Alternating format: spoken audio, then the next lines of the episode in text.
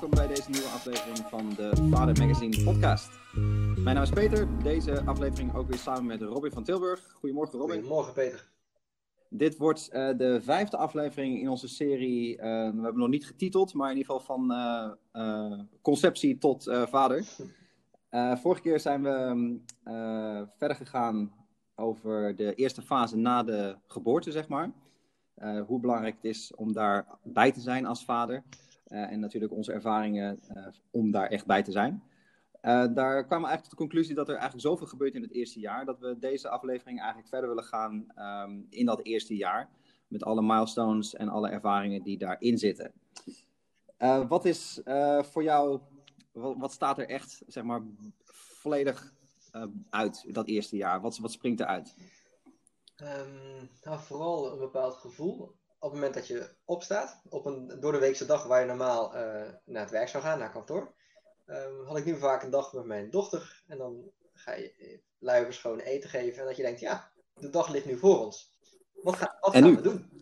En, ja, dat is misschien ja. een stukje context uh, even voor de mensen die op deze aflevering uh, voor het eerst inhaken. Robin en ik zijn eigenlijk allebei uh, thuisblijfvaders, thuisvaders, stay-home dads, hoe je het ook noemen wil, um, geweest. En nog steeds in mijn geval. Uh, dus wij hebben uh, zeker dat eerste jaar uh, van heel dichtbij meegemaakt met onze kinderen. en inderdaad, dan sta je dus op s morgens en dan ja, ga je de dag met je kind doorbrengen. Want jouw partner ging gewoon werken. Ja, nou, in, in die zin, mijn partner was de eerste maanden, die is vier maanden thuis geweest na de geboorte van onze, ja. onze eerste dochter. Ik pak als voorbeeld, we hebben twee dochters. Ik pak altijd als voorbeeld mijn eerste dochter, wat mijn eerste aanraking was met het vaderschap sowieso.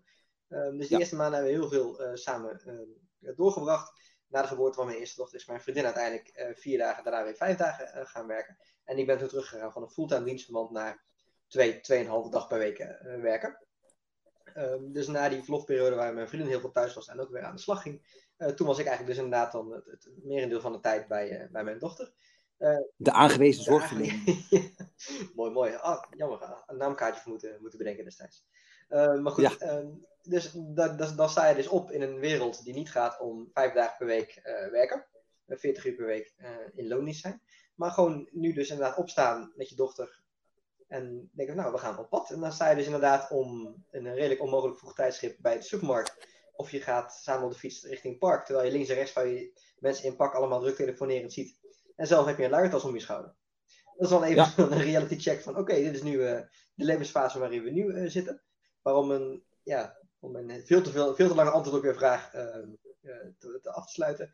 Um, mijn, als ik terugkijk, overheerst het gevoel van heel veel quality time uh, met mijn dochter.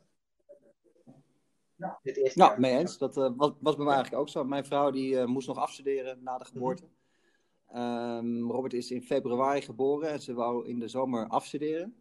Uh, met name omdat wij uh, toen al wisten dat wij in september richting Engeland zouden gaan, naar Oxford. Daar wilde mijn vrouw een master gaan, gaan wonen.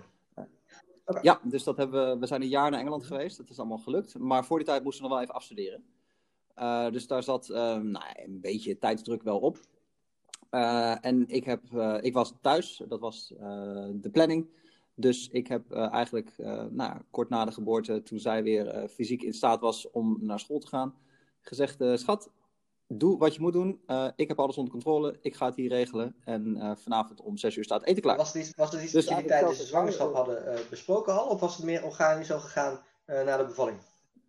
Een beetje van allebei. Ik werkte, voordat we zwanger zijn geworden, werkte ik bij een bedrijf. Uh, met het idee, ik was daarvoor freelancer en toen ben ik gaan werken met het idee van heb je stabiele inkomen. Maar dat bedrijf ging failliet. Uh, en uh, heel lang verhaal, maar uiteindelijk waren ze mij nog een half jaar salaris schuldig nadat ze failliet gingen.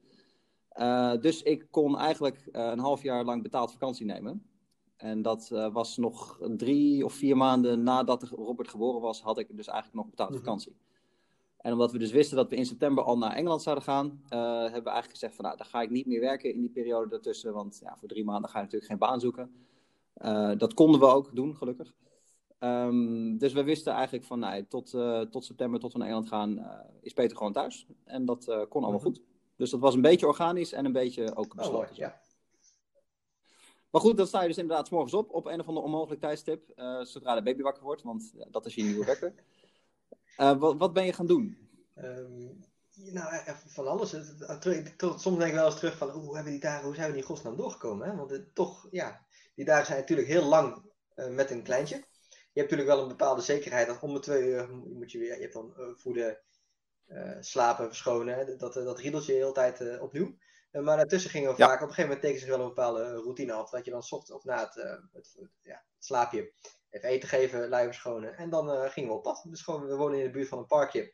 Dus heel lekker eentjes uh, kijken. Althans, ik dan eentjes kijken. Zij gewoon lekker naar boven naar de blaadjes uh, staren boven zich. of we gingen samen ja, boekjes lezen. Samen op het speelkleedje. ja, lekker, lekker stoeien, lekker spelen. Dus eigenlijk van alles ging eigenlijk heel relaxed. En meer, ja, het voordeel als je denk ik, als je, waar we in de vorige podcast ook even over hadden. Als je veel tijd met je kind doorbrengt kun je ook een beetje lezen waar ze behoefte aan hebben, waar, uh, ja, wat, wat, handig is om te doen. Dus vaak stemde ik, vaak stemde ik daar ook de uitzoek af van, goh, is ze nu actief genoeg om lekker naar buiten te gaan, of gaan we gewoon even lekker boekjes lezen, knussen op schoot, en dan, uh, dan weer tijd voor een, voor een slaapje. En natuurlijk ja, dat was gaan het jaar veranderen, hoe groter ze worden, hoe meer je kunt, uh, kunt doen, dan wordt je wereld ook letterlijk groter.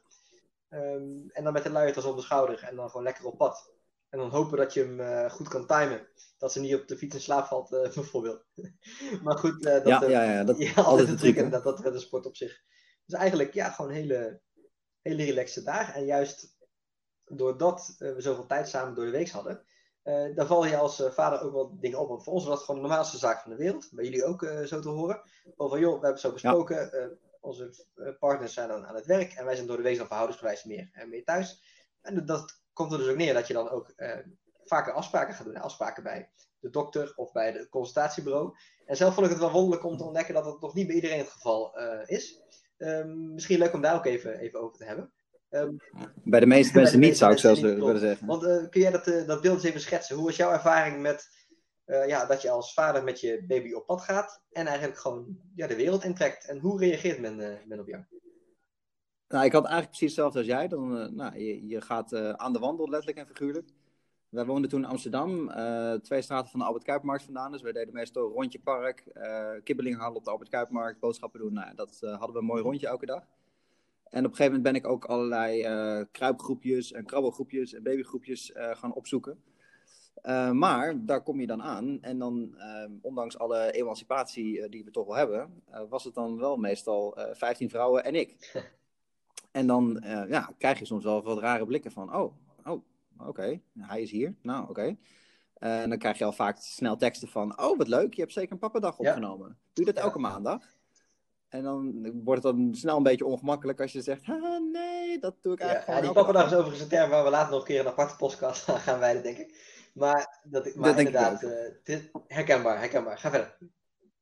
Ja, en datzelfde geldt eigenlijk bij, uh, nou ja, je moet natuurlijk in die eerste weken, maanden um, allerlei consultatiebureau-schema's en inentingsschema's en dat soort dingen volgen.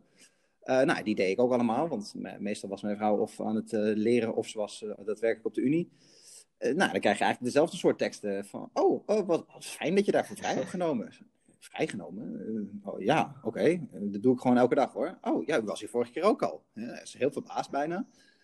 Uh, en als je dan, nou, bij zo'n consultatiebureau heb je dan meestal niet echt de tijd om het uit te leggen, maar bijvoorbeeld bij zo'n kruipgroepje, uh, als je toch elke week weer komt, en soms al twee keer in de week, dat ze, oh, goh, ben je er nou alweer? Ja, want ik, ik doe dit namelijk. Oh, nou, en dan is er na die eerste verbazing, zo van, huh, oh, apart zeg, uh, is er vaak ook toch wel een beetje interesse van, oh, goh, hoe, hoe dan? En hoezo dan? En waarom dan? en dan is het, nou ja, meestal wel een, een leuk gesprek uh, met veel uh, nou ja, bewondering misschien van de andere kant. Van, oh, wat, wat leuk dat je dat doet. Wat goed dat je dat doet.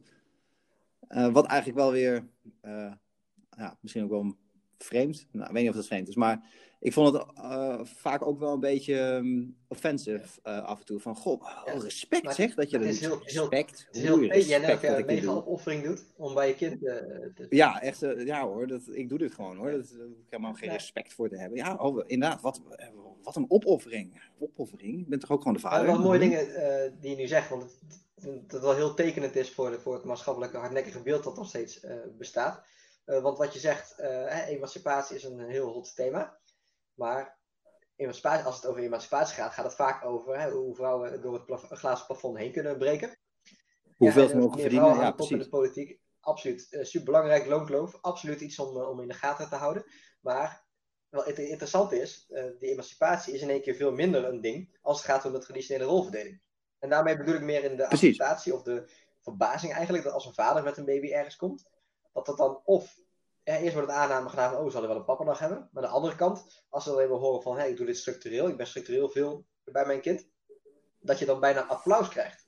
Terwijl dat ook wel heel gek ja, is. Ja, precies. Van, je hoeft geen applaus om om mijn eigen kind uh, te zorgen. Want, en dat is wel het verschil, denk ik, van perceptie van hoe wij er allebei in staan, maar ook binnen ons gezin. We hebben gewoon met onze partner dit afgesproken van, ja, dit is hoe we het doen.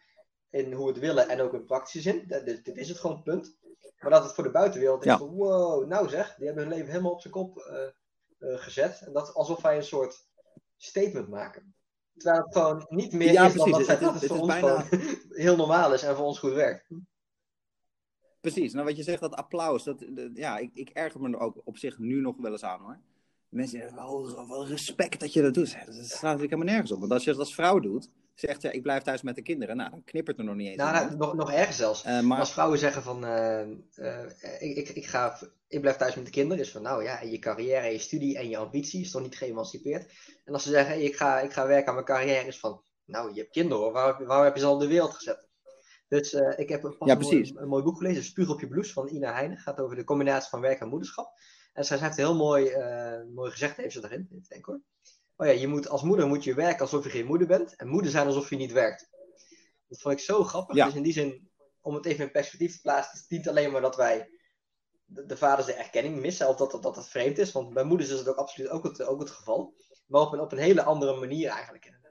Weet je, een moeder, een moeder kan nooit op applaus rekenen. Die kan het eigenlijk nooit goed doen. Uh, maar daar, nee. je kan het ook niet loszien van elkaar. Dan juist waar wij het nu over hebben, uh, betrokken vaderschap, ook in het eerste jaar of in die eerste, eerste fase, dat kan ook heel veel doen op, het vlak, op de perceptie die jonge moeders ervaren. Dus het kan eigenlijk elkaar nou, heel mooi versterken, denk ik. Hoe zie jij dat? Nou, het is, als, het is nog erger. Het is als vader natuurlijk andersom. Je doet het altijd goed. Als je zegt, uh, ja, ik heb een jonge baby, maar ik werk 200 uur per week. Zegt iedereen van, wow, wat knap zeg dat je dat dan nog kan. En als je als vader zegt, oh, ik werk helemaal niet en ik blijf thuis, zoals in mijn geval, nou, dan ben je ook uh, de second coming bijna. Dus je doet als moeder altijd fout en als vader altijd goed. Ja, een klein beetje door te gaan nog. Als je zegt, ik word vader op de werkvloer, er is bijna geen enkele vader die, of een man die, die de vraag krijgt, oh, hoe ga je dat doen met werk? Hoe ga je het combineren? Maar ook andersom, als je denkt, van, mijn kind is ziek, dan krijgt de vader vaak over, ja, dat kan je toch wel oplossen. Terwijl mijn vriendin juist vaker, hè, mijn ja, is ziek. En dan zei ze, oh, kan je dan wel hier zijn? En zo, ja, want mijn vriend is uh, gewoon bij mijn dochter. En zo, oh, oh ja, dat kan natuurlijk ook. Dus, dus weer, oh, en dan wat je zegt inderdaad daarna van, wat fijn, wat goed dat hij dat doet. Terwijl dat, dat, dat je eigenlijk een, een, een, prijs krijgt die je voor je gevoel niet helemaal, uh, zeg maar. Nee.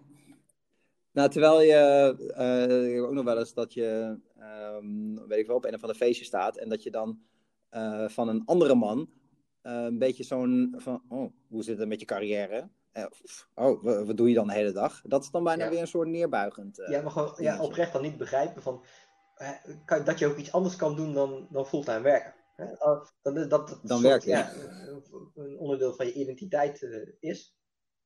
En natuurlijk in veel gevallen, en zeker als je echt kostwinner bent, of er misschien van tevoren niet heel erg op die manier over hebt nagedacht, dan snap ik, dat, dan snap ik die gedachtegang ook, ook ergens wel. Wat ik wel erg grappig vind, is dat als je een andere vader dan spreekt, hè, dan, zeker op het begin, dat van wat doe je dan de hele dag? Een beetje, een beetje boekjes lezen of een beetje, een beetje spelen. En zo, ja, inderdaad, ik heb gewoon heel veel quality time met, uh, met ja, kinderen. dat is het, ja. ga je het uitleggen. En dan zie je wel, en soms wordt het wel een beetje ongemakkelijk ook. Omdat je, je ziet ze gewoon denken, je, ja, ze gaan toch reflecteren op hun eigen situatie. En een vader zei een keer, ja. ja, ja, ik kan me voorstellen dat je dat wel heel, heel, heel ja, fijn vindt, dat, om zoveel tijd met je kind door te brengen. Maar ja, bij ons gaat dat helaas niet. Weet je, en daar, kan ik heel veel, daar vind ik heel veel van, daar kan ik veel van zeggen. Maar goed, weet je, iedere situatie is, eh, is hetzelfde. En, uh, maar het is wel interessant hoeveel verschil daarin zit en, wat het, uh, en hoe het algehele beeld van hoe het hoort te zijn, niet altijd strookt met onze eigen ervaringen. Nee, dat klopt. Nou, ik vind wel dat je, uh, zeker dat eerste jaar, en daar hadden we het in de vorige podcast ook over, dat hoe belangrijk het is om er te zijn. Uh, ik geloof wel sterk in, uh, zeker het eerste jaar, maar ook later nog wel, uh, dat het kwantiteit ook echt wel iets heeft over kwaliteit. Want natuurlijk ben je bij, als ouder bij de hoogtepunten, hè, op het het afstuderen of de eerste tennisles. Nou, dat soort hoogtepunten, daar ben je toch wel bij. Maar ik denk juist dat er heel veel waarde ligt, niet alleen voor vaders, maar voor, voor elke ouder, om ook gewoon de dagelijkse romslomp mhm. te doen met je kind. Is naar school fietsen met je kind spannend? Nee. Is het belangrijk? Jazeker. Uh, is het belangrijk om dat elke dag te doen? Absoluut. Uh, zitten daar hoogtepunten in? Nee, absoluut niet. Maar dat is wel zo fundamenteel tijd besteden met je kinderen, dat het wel een hele sterke basis vormt voor later. En dat wordt dan wel eens over het hoofd gezien, denk ik, zeker door andere mannen, die dan zo, oh, wat doe je dan de hele dag boekjes lezen? Ja, inderdaad, want dat is belangrijk namelijk. En daar, daar vind ik inderdaad ook heel veel van. Van ouders die dat, of mannen met name, die dat dan minder doen of niet doen, maar oké. Eh, maar ik denk wel dat, dat um, zeg maar, mij, het, het thuis zijn van mij als vader, daar wel heel veel aan bijdraagt in de vorming van mijn kinderen. Nou, even een heel, uh, heel actueel voorbeeld. Vanochtend heb ik mijn dochter naar school gebracht. Um, en we gaan altijd extra vroeg, want we hebben geen haast. En op een gegeven moment liepen langs een hele grote, grote boom. En dan zagen we gewoon een heel mooi, uh, ja, mooi, mooi elfenbankje, paddenstoelen. En dan gaan we kijken, hebben we gewoon drie minuten bijgezeten. En dat, voor mij zijn dat, je zou kunnen zeggen, ja, en. Maar voor mij zijn dat wel hele wezenlijke momenten. Dat juist al die hele kleine momentjes bij elkaar, die maken dat wij, dat, dat mijn dochter een hele fijne ja, connectie met mij heeft. Dit zijn dingen die we, die we samen doen. Het is ook heel anders als we naar school moeten van, hey, kom op, opschieten, we hebben haast. Snel een kus, hier is je tas, uh, ik kom je vanavond ophalen. Weet je, en ik weet niet, dat ja, het is een heel simpel voorbeeld, maar voor mij zegt het heel veel. Um, namelijk, het zit er niet altijd in die hoogtepunten. Dus inderdaad van afzwemmen, dansuitvoering, check, check. Maar meer van uh, dat, je de, dat je misschien ook zelfs wel samen verveelt. Dat je dan dingen ziet of dingen opvalt uh, die je normaal niet op zou vallen. En dat je samen ja, gewoon gemakkelijk de wereld in kan kijken. Ja, precies. Ja, dat is zeker dat eerste jaar natuurlijk, waar deze podcast over gaat, heel belangrijk. Want daar leg je echt wel het fundament voor de, Mhm. nou, de tien jaar daarna. Dus hoe meer je daar kan zijn, de toptip van deze podcast, hoe meer je er kunt zijn, ja. hoe We hadden het net over, over die, je had het over die uh, de, de, babyclubjes, hè? de kruipclubjes. Um, ja. ja. Zelf heb ik wel een aantal wonderlijke ervaringen bij het uh, consultatiebureau bijvoorbeeld. Uh, heb jij ook voorbeelden van die, um, van die strekken? Waar, waar, ben jij tegen aangelopen um, waarvan je dacht, ja, dit is heel tekenend voor de beeldvorming die er is?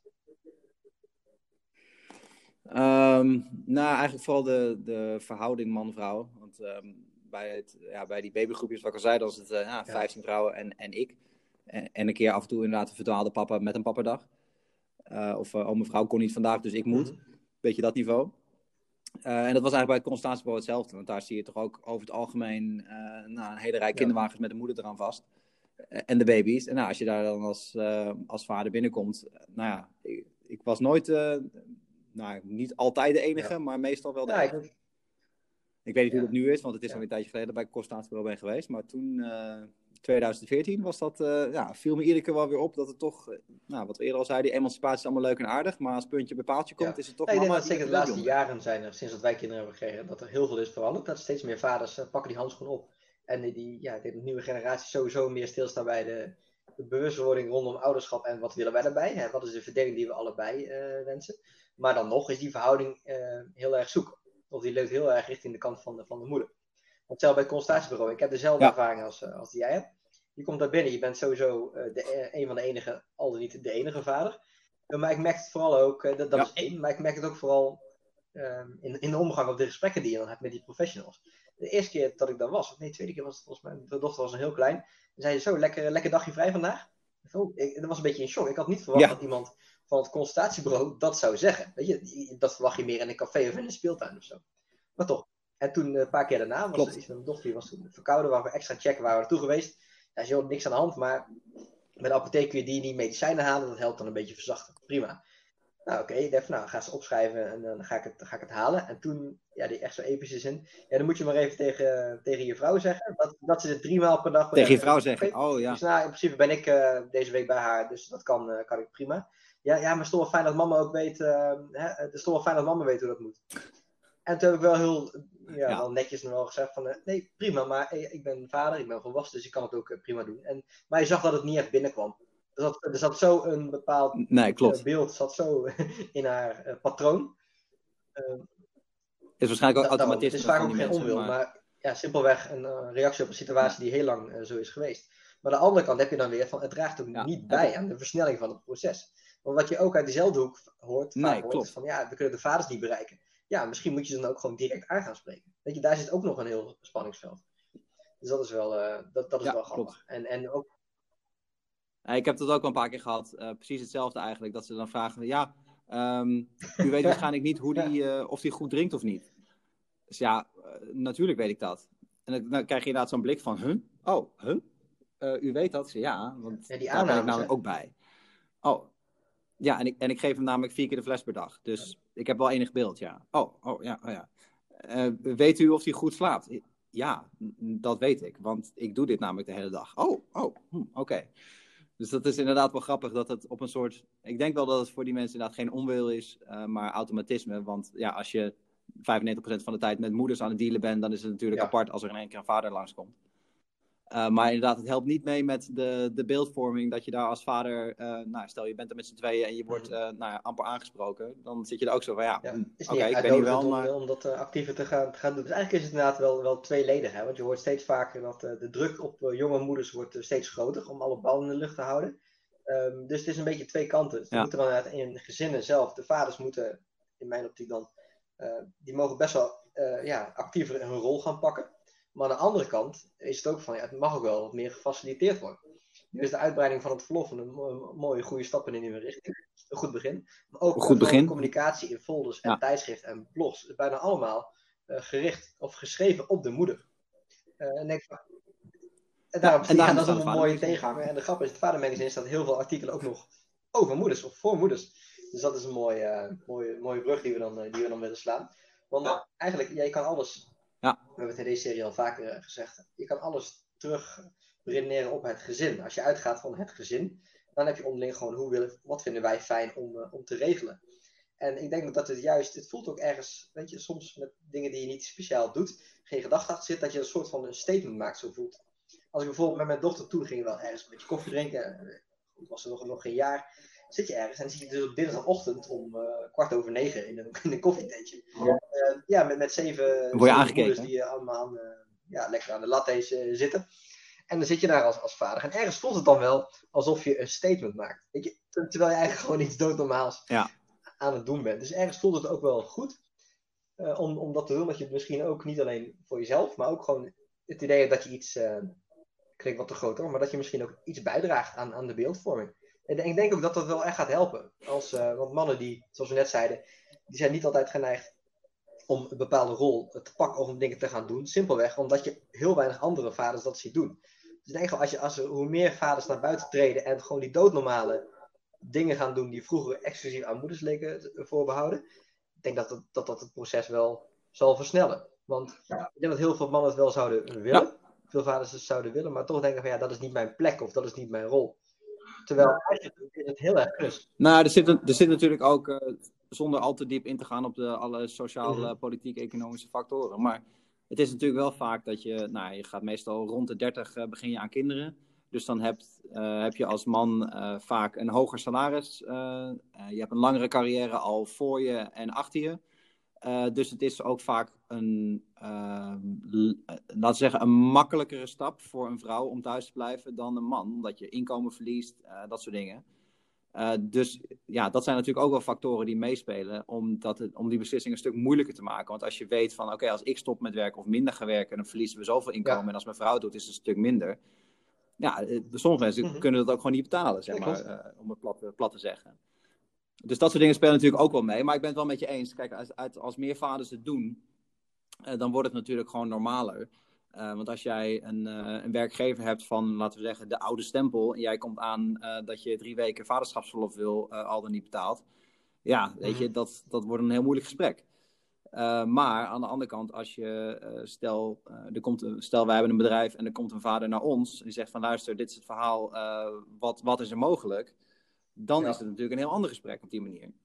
Eh, dus uiteindelijk ja, moet het natuurlijk hand in hand met elkaar opgroeien, bij wijze van spreken. Dat eh, ja, meer mannen het doen, dat het gewoner wordt. Dat het ook betaalbaarder is en dat soort dingen. En dan kom je uiteindelijk natuurlijk op een punt dat het een, een echte keuzekeuze is. Ja, precies wat je zegt. Dat is inderdaad nu allemaal speelt. Hè? Van, uh, dat de, de, de, nu weer actueel in de media, dat de, de loonkloof nog steeds heel uh, ver uit elkaar ligt. Hè? Dat is, tussen mannelijke en vrouwelijke werknemers. Ja. Uh, en, en inderdaad carrière maken. Maar wat je zegt, dat is één op één. Het is allemaal prima te plaatsen, hè? waardoor het komt. Allemaal verschillende factoren. Dus juist die verdeling thuis kan ook een bijdrage, een hele grote bijdrage leveren, denk ik, aan, aan die problematiek.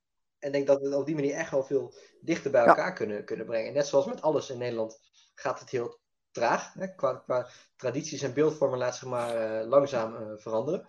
Maar daarom denk ik ook als, ja. als vaders, ja, je zou de vaders van nu soort van kunnen zien als, als voortrekker of ambassadeur of zo. En uh, dat klinkt heel groot, dat zou ook helemaal niet zo moeten zijn. We zouden ook absoluut geen applaus moeten, moeten krijgen, vind ik. Maar aan de andere kant, het applaus kan ook functioneel worden beschouwd. Ja, dat, dat een vader wordt gestimuleerd om dit te doen. Waardoor andere vaders misschien denken van nou, dat is misschien ook wel, wel wat. En aan de andere kant ervaart dan de moeder daar ook weer, weer voordelen van. Dus het is een heel interessante materie die we van twintig ja, kanten kunnen, nou, kunnen bekijken. Uh, maar uh, los van al die uh, sociaal-maatschappelijk wenselijke ontwikkelingen, is natuurlijk het meest waardevolle. Dat, ik denk dat we allebei wel op één lijn over zitten. Dat je dat eerste jaar ook gigantisch veel tijd met je kinderen door kunt brengen. Ja, ik vond het uh, super spannend. En wij hadden natuurlijk, uh, wat ik aan het begin van de podcast al zei. Uh, we zijn naar Engeland gegaan toen Robert een half jaar oud was. Dus dat had ook nogal wat voeten in de aarde met verhuizen en op de boot naar Engeland. Een nieuwe omgeving voor dat kindje. dus dat was allemaal heel, heel spannend. En dat heeft ook gekund dankzij het feit dat mm. ik thuis was. Want ook in Engeland ben ik gewoon thuispapa geweest, zeg maar. Want ja, een master in Oxford is 80 uur per week en, en meer. Uh, dus daar zeiden we ook al vrij snel van ja, dat uh, gaan we gewoon niet worden met enig, uh, enig werken. Dus ik blijf daar ook gewoon thuis om voor de kleine te zorgen. Dus daar ben ik eigenlijk op dezelfde voet verder gegaan als mhm. hier in Nederland, of toen in Amsterdam. dus daar ben ik ook allerlei kruipgroepjes gaan opzoeken, lekker gaan wandelen elke dag in het park, zo, zolang het niet regende. naar de markt, nou, al dat soort dingen. Ja. Gewoon ja, echt papa papa zijn. En met het jongetje onderweg. Uh, en op, de, op die manier, zeg maar, mijn vrouw gefaciliteerd ja. dat ze die master heeft kunnen doen. Super mooi. Dus dat was, uh, ja, we hadden het in de vorige podcast over, uh, zeg maar, mm. de mannelijkheid van het vader zijn. nou ja, dat, dat hoor ik natuurlijk ook nog wel eens in commentaren van, nou, wat je net al zei, van, doe de hele boekjes lezen, ja. of lekkere vent ben jij, weet je, dat soort teksten. En dan denk ik, of dan zeg ik dat meestal ook nog wel, maar dan denk ik in ieder geval van, ja, nou ja, wel dus. Uh, dat vind ik uh, best wel mannelijk, dat ik mijn vrouw uh, zeg maar faciliteer in al haar dromen, ambities ja. en dingen die ze wil doen. Door juist voor de kinderen te zorgen en dat hele zorgelement zeg maar, uit haar ja. thuisplanning te halen. Ja, dat, dat sterkt mij ook wel in mijn, ja. in mijn vaderrol, vind ik. Dat ja, mooi. Maar dat komt natuurlijk ook omdat je het ook, ook, leeft. Je hebt, je, hebt, je, je hebt het meegemaakt. Als jij, als jij die, die, die dagen door de week zet met je kind, dan weet je wat het, je, wat het iedereen oplevert en waarom, waarom iedereen daar beter van, uh, van wordt. En, en die vraag komt ook vooral voort, ja. uit, voort uit de nieuwsgierigheid of onbegrip. Van als je dat dus niet weet, als je geen uh, bonustijd met je kinderen hebt, om, om maar even die, die, die, het fulltime werkwerk even als norm te gebruiken hiervoor. En dan is het volgens mij ook een oprechte interessevraag inderdaad van wat, wat doe je dan heel de dag? Als jij niet buiten ja, je, je eigen routine van 40 uur per week werken kan kijken of meer, dan, dan snap ik die vraag ergens. Maar het voelt ergens ook wel als een, als een gemiste kans dat je dan die tijd eh, niet, of dat je niet beseft dat je, dat je die tijd ook anders kan uh, indelen. Nogmaals, ik kan, je kan niet in iedereen zijn portemonnee kijken, uh, maar, maar natuurlijk absoluut pretenderen dat je, dat je betrokken vaderschap per se in uren moet uitdrukken. Maar tot slot een, een, mooi voorbeeld om het te illustreren voor mijn boek. heb ik heel veel vaders in geïnterviewd. En die hebben eigenlijk bijna, zonder uitzondering, hebben zij, zijn ze één of meerdere dagen minder, minder gaan werken. En de manier waarop zij over die extra dagen praten. Dat is heel erg mooi. Uh, vooral omdat ze realiseren van, hé, hey, ik heb nu extra tijd. Dat geeft wel instant voldoening. En ja. ze zeiden van, hè, want in de weekend hebben we vaak onze ja. familie uit. Dus zijn we vaak samen met het gezin. En zeker als er sprake is van, uh, ja, dat, dat, dan doe je het opvoeden toch een beetje samen. En op die, als je zelf een dag met je kinderen hebt, en dan kan ik ook uit eigen ervaring spreken, dan kun je echt je dingen op, op je eigen manier doen. En het is toch die één op één tijd, is, geeft ook wel extra dimensie aan, uh, aan je vaderschap, heb ik zelf gemerkt. Absoluut, dat ben ik wel met je eens. Het is, uh, als het maar, zeg maar simpele dingen als samen je dag uh, indelen. Zeker als het kindje op een gegeven moment kan kruipen en zitten en, ietsje meer kan dan alleen maar in een, in een kinderwagen liggen. dan kun je ook wel echt samen dingen gaan doen. En ik vind het, ik heb wel een hele andere kant van mezelf ontdekt. op die manier, een zachtere kant, weet ik niet of je het zo moet noemen, maar een kant, ja, echt, echt een vaderkant is, is op die manier gegroeid. Uh, van nou, op de grond liggen en spelen, blokjes bouwen, lachen om. Uh, ja, om en als kinderen gaan lachen, dan ga je dat proberen om die lach te overtreffen. Precies, en dat is wel, uh, ja, dat is denk ik, voor mij in ieder geval, ja. wel waar het om gaat als vader. gewoon dat soort, dat soort dingen meemaken is wel de kern van ouder zijn ook. en natuurlijk hè, moet je je kind van alles bijbrengen en opvoeden en normen en waarden en noem het allemaal waar. Uh, maar ook dat soort dingen komen wel fundamenteel uit dat soort kleine dingen. Uh, en ik denk dat daar ook wel een hele, voor mijzelf in ieder geval, een hele grote basis van de opvoeding uh, ligt. Die tijd hebben, maken met elkaar en besteden met elkaar. Ook al is het maar om tenen, tellen, tenen te tellen. Uh, is wel wat je elke keer zo'n klein bouwsteentje, wat je toevoegt ja, aan het grotere opvoedgeheel, zeg maar.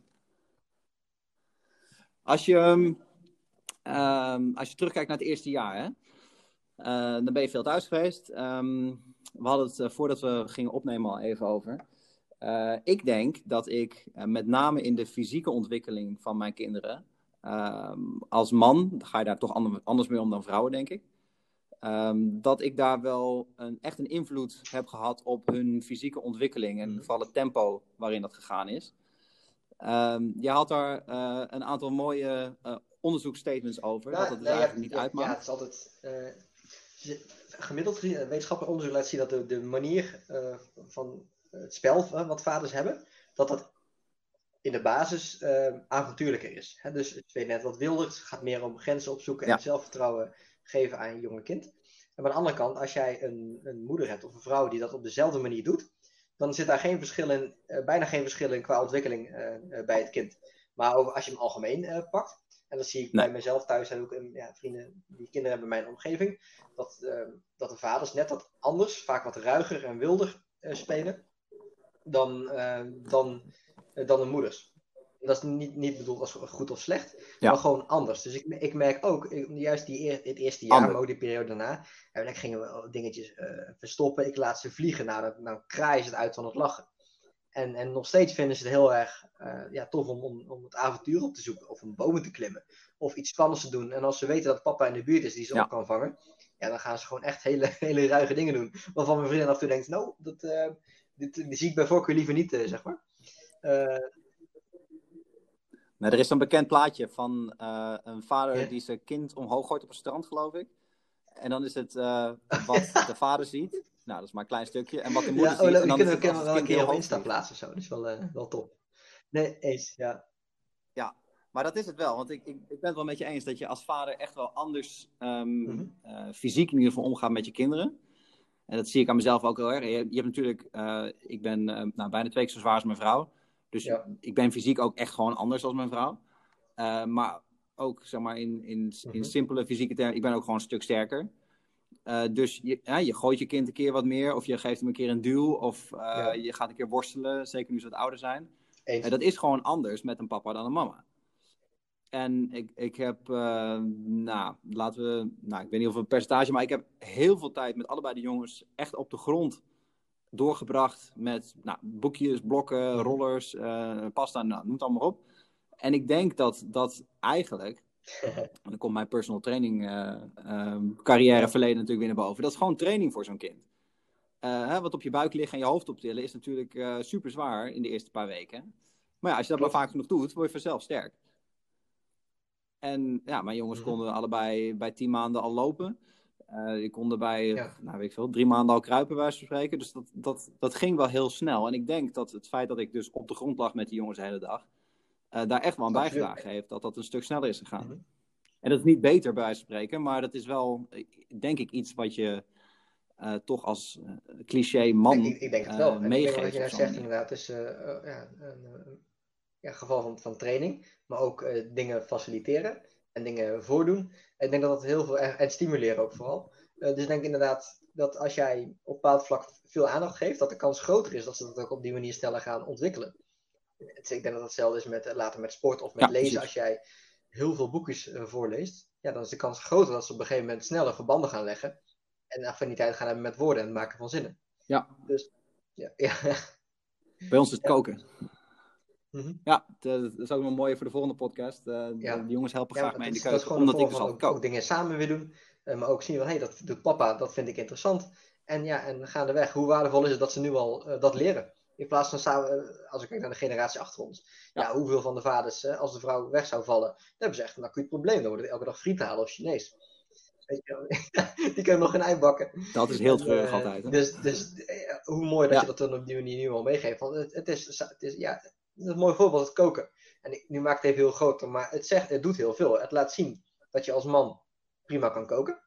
Het laat zien dat het leuk is om samen te doen. Het laat zien dat het leuk is om eten te verzorgen voor anderen. En ook ja. waarschijnlijk ken je al een beetje, uh, dat, het ook nog, uh, dat je ook de verschillende voedingsmiddelen uh, laat, laat zien van wat gezond is en wat niet. Ook dat nog. Onder wat zwijgen over boodschappen doen. Dus, al dat soort dingen die ja, nog even. De oudste die vinden het nu helemaal leuk om de vaatwas in te ruimen. Nou, dat, dat is een speltje wat ik natuurlijk mijn liefde ga stimuleren. Nou, top. hou dat vast. Ja, ja, tip, hou dat vast. Hou dat maar goed, vast. We, dat is inderdaad iets later stadium. We hebben nu inderdaad deze podcast over het eerste jaar uh, gehad. Is vooral het eerste jaar wat je zegt dat je als vader ook absoluut een, uh, een positieve bijdrage kan leveren aan, aan heel het gezin eigenlijk weer. Zijn we er weer. Ja, ik zou zeggen van mijn kant als de toptip voor het eerste jaar: kwantiteit, kwantiteit, kwantiteit altijd is, of, nou, altijd is, is onmogelijk, maar zorg ervoor dat je er eigenlijk zoveel mogelijk bent. Neem, neem die dag vrij, uh, bespreek dat met je werkgever of met je, en zeker met je partner natuurlijk ook. Uh, zorg dat je die tijd echt opeist. Uh, vind ik wel nodig om te zeggen. Dat je, het is natuurlijk heel makkelijk om het allemaal heel vrijblijvend te doen. Van ja, ik kan wel een keer een dagje pakken hier.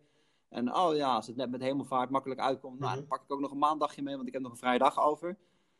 Hè, dat is natuurlijk altijd prima, uh, maar ik denk dat het. Um, uh, nou, ik, ik hou wel van, uh, van een beetje structuur, discipline en regelmaat wat dat betreft. Regel dat gewoon vanaf het begin. Zeg tegen je werkgever: luister, ik ga vanaf nu moet ik gewoon een dag minder kunnen werken. Om hoe dan ook gaan we dat regelen. Want ik wil er gewoon een dag in de week voor mijn kind zijn. En dat kan misschien best na, na een jaar dat je zegt van nou goed, het kind is nu iets ouder, gaat naar de crash of de opvang. Mm -hmm. of er zijn andere ontwikkelingen, dat je dat weer terugdraait. Maar dat eerste jaar, omdat het, dat zeiden we vorige keer ook, dat is zo'n fundamenteel moment in de opvoeding en de rest van het leven van je kind en ook van jezelf als vader. Uh, denk ik dat je dat gewoon moet opeisen. Uh, pak die extra dag, maak daar structureel elke, elke, dag een of elke week een donderdag van. Dat je gewoon alleen bent met je kind. Uh, en ik denk dat je daar door dat op te eisen wel echt een, een basis legt voor je band met je kind. Voor je band met je partner en voor gewoon je, je vaderschap wat dat betreft. Dat dat gewoon een goede kickstart zal ik niet zeggen, om niet al te veel naar het boek te refereren, maar dat het wel een goede, gewoon een, een goed fundament, ja, nee, ik kan fundament, fundament alleen maar, is voor je vader. Ik wil zeker het eerste jaar, als ik aanstaande vaders of jonge vaders iets mag adviseren, vanuit mijn ervaring, maar ook ervaring van de gesprekken die we met vaders hebben, hebben gehad de afgelopen tijd, pak die momenten in je eerste jaar. Zorg inderdaad voor of een dag of vaste momenten, maak het onderdeel van je routine. Want juist het eerste jaar, ja, die ontwikkeling die je kind doormaakt, is bizar snel. Elke week kan, kan, kan er weer wat anders, weer wat nieuws. En het is zo mooi om dat samen mee te krijgen, dat je als het ware samen uh, opgroeit en echt actief onderdeel uitmaakt van, van het leven van je kind. Maar ook op een manier, op een hele andere manier. Je kan natuurlijk samen met het gezin in het weekend dingen doen. Maar ik heb zelf als heel waardevol ervaren en nog steeds om ja. ook gewoon die tijd alleen met je kind te hebben. En zeker met, met een, ja, nou, precies. Vooral in het weekend is het natuurlijk ook vaak nog... dan moet alles gebeuren wat er door de week niet is gebeurd. En als je gewoon elke woensdag de hele dag... Wat je, wat je net ook zei, terecht, pak die uh, momenten met je kind. En uh, je kan natuurlijk altijd blijven evalueren. Mocht je na een jaar denken of na twee jaar... nou, ik wil toch weer anders gaan doen. Hey, helemaal prima. Maar in ieder geval, dat, ja, elke dag die je hebt met je kind... en dat voelt voor mij nog steeds zo... die pakken ze gewoon niet meer af. Het is gewoon heel fijn. Het, als je het beschouwt... Als je, als je die 40... als je een werkweek als norm beschouwt... dat is een, in dit geval een hele leuke manier. Want elke dag die je dan extra hebt voelt ook als extra en als bonus. En dan kun je daar ook gewoon vol 100% uh, van genieten. Uh, en, en als laatste wil ik nog toevoegen, als je die dag bij je kind bent, zorg dat je er ook echt bent. Ga niet in de speeltuin nog even uh, denken van, nou, ik ga nog even snel de mailtje versturen, want hij zou lekker aan schommelen. Ja, want jij hebt hier zelfs fysieke beschikbaarheid. Ja, dat je half aanwezig bent. beschikbaarheid.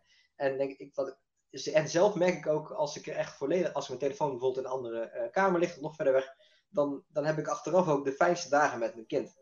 Als, als ik bijvoorbeeld een mailtje lees of een berichtje waarvan ik weet, ik kan ja. er niet op antwoorden, maar ik moet het nog wel doen, dan ben ik niet meer 100% met de aandacht bij wat ik met mijn kind aan het doen ben.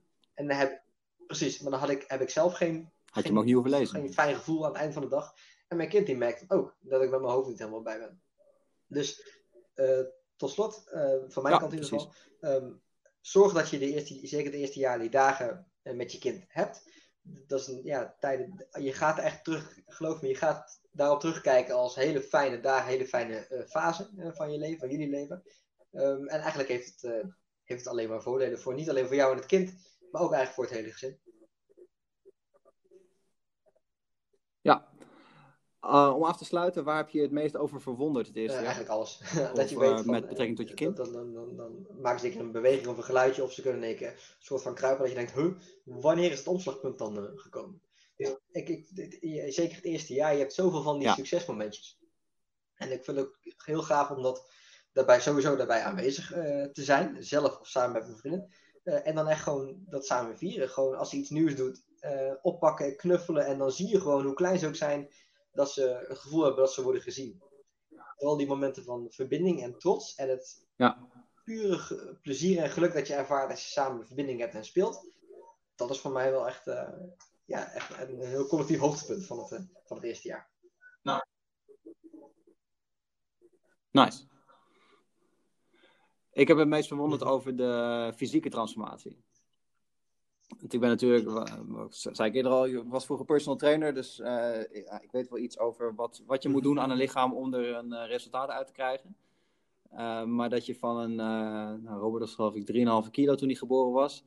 Eh, de fysieke transformatie van een wormpje naar een, een, ja, echt een wormpje, naar eh, een jaar later een, echt een potige, Mhm, peuter, wat is het dan, een peuter, kleuter? Nou ja, een, een, een, ja, een potige peuter die kan lopen, rennen, springen. eh, nou, ik weet niet hoeveel kilo die zwaarder was na een jaar, maar dat, daar heb ik echt mijn ogen, ogen uitgekeken van wauw, dat, dat, dat zo'n lijfje dat allemaal doet in Ja. een jaar is echt mindblowing. En zeker als ik nu eh, bijvoorbeeld Jack is drie, is een jongere broertje van Robert, eh, die weegt nu 20 kilo. En als je die ziet springen, die, is, die is, was ook Mhm. groter en sterker dan Robert, eh, zeg maar door zijn kindertijd. Daar verwonder ik me nog steeds over. Van wauw, dat, dat zo'n lijfje dat allemaal bol kan werken. pff, fantastisch. En dat is nog niet eens zeg maar, de, de, emotionele en eh, geestelijke Mhm. ontwikkeling, maar puur die fysieke ontwikkeling, dat is Ja. echt wauw. Verbazingwekkend. En dan weet je ook ineens waarom ze zoveel eten. Nee, maar mooi. Maar gewoon eigenlijk, bottom line. eh, veel tijd met je kind doorbrengen heeft eigenlijk alleen maar voordelen. Yes. Nee. Er is, Nou, eh, wel zijn, kunnen nee, zijn geen nadelen, wat mij betreft. Dat was voor deze aflevering, denk ik, voor het eerste jaar. Alle links naar al onze platformen staan natuurlijk in de show notes. Ook het link naar het boek wat Robin heeft geschreven, Kickstart je vaderschap, eh, is daar te vinden. En daar kun je hem ook bestellen natuurlijk. Eh, volgende keer gaan we verder waar we nu stoppen eigenlijk. Dus eh, nou, laten we zeggen vanaf jaar 2. dan gaan we verder in deze serie. En eh, tussendoor zullen we uiteraard ook nog eh, andere onderwerpen in andere podcasts behandelen. We hopen dat jullie het weer interessant vonden. Volg ons zeker op al die social pla platforms en andere plekken waar je met ons kunt connecten. Stel ook vooral vragen. Enige suggesties voor onderwerpen zijn natuurlijk ook altijd welkom. En feedback mag natuurlijk ook. Dankjewel. Tot die tijd. Dit was voor deze aflevering. Robin, bedankt. En uh, tot de volgende keer.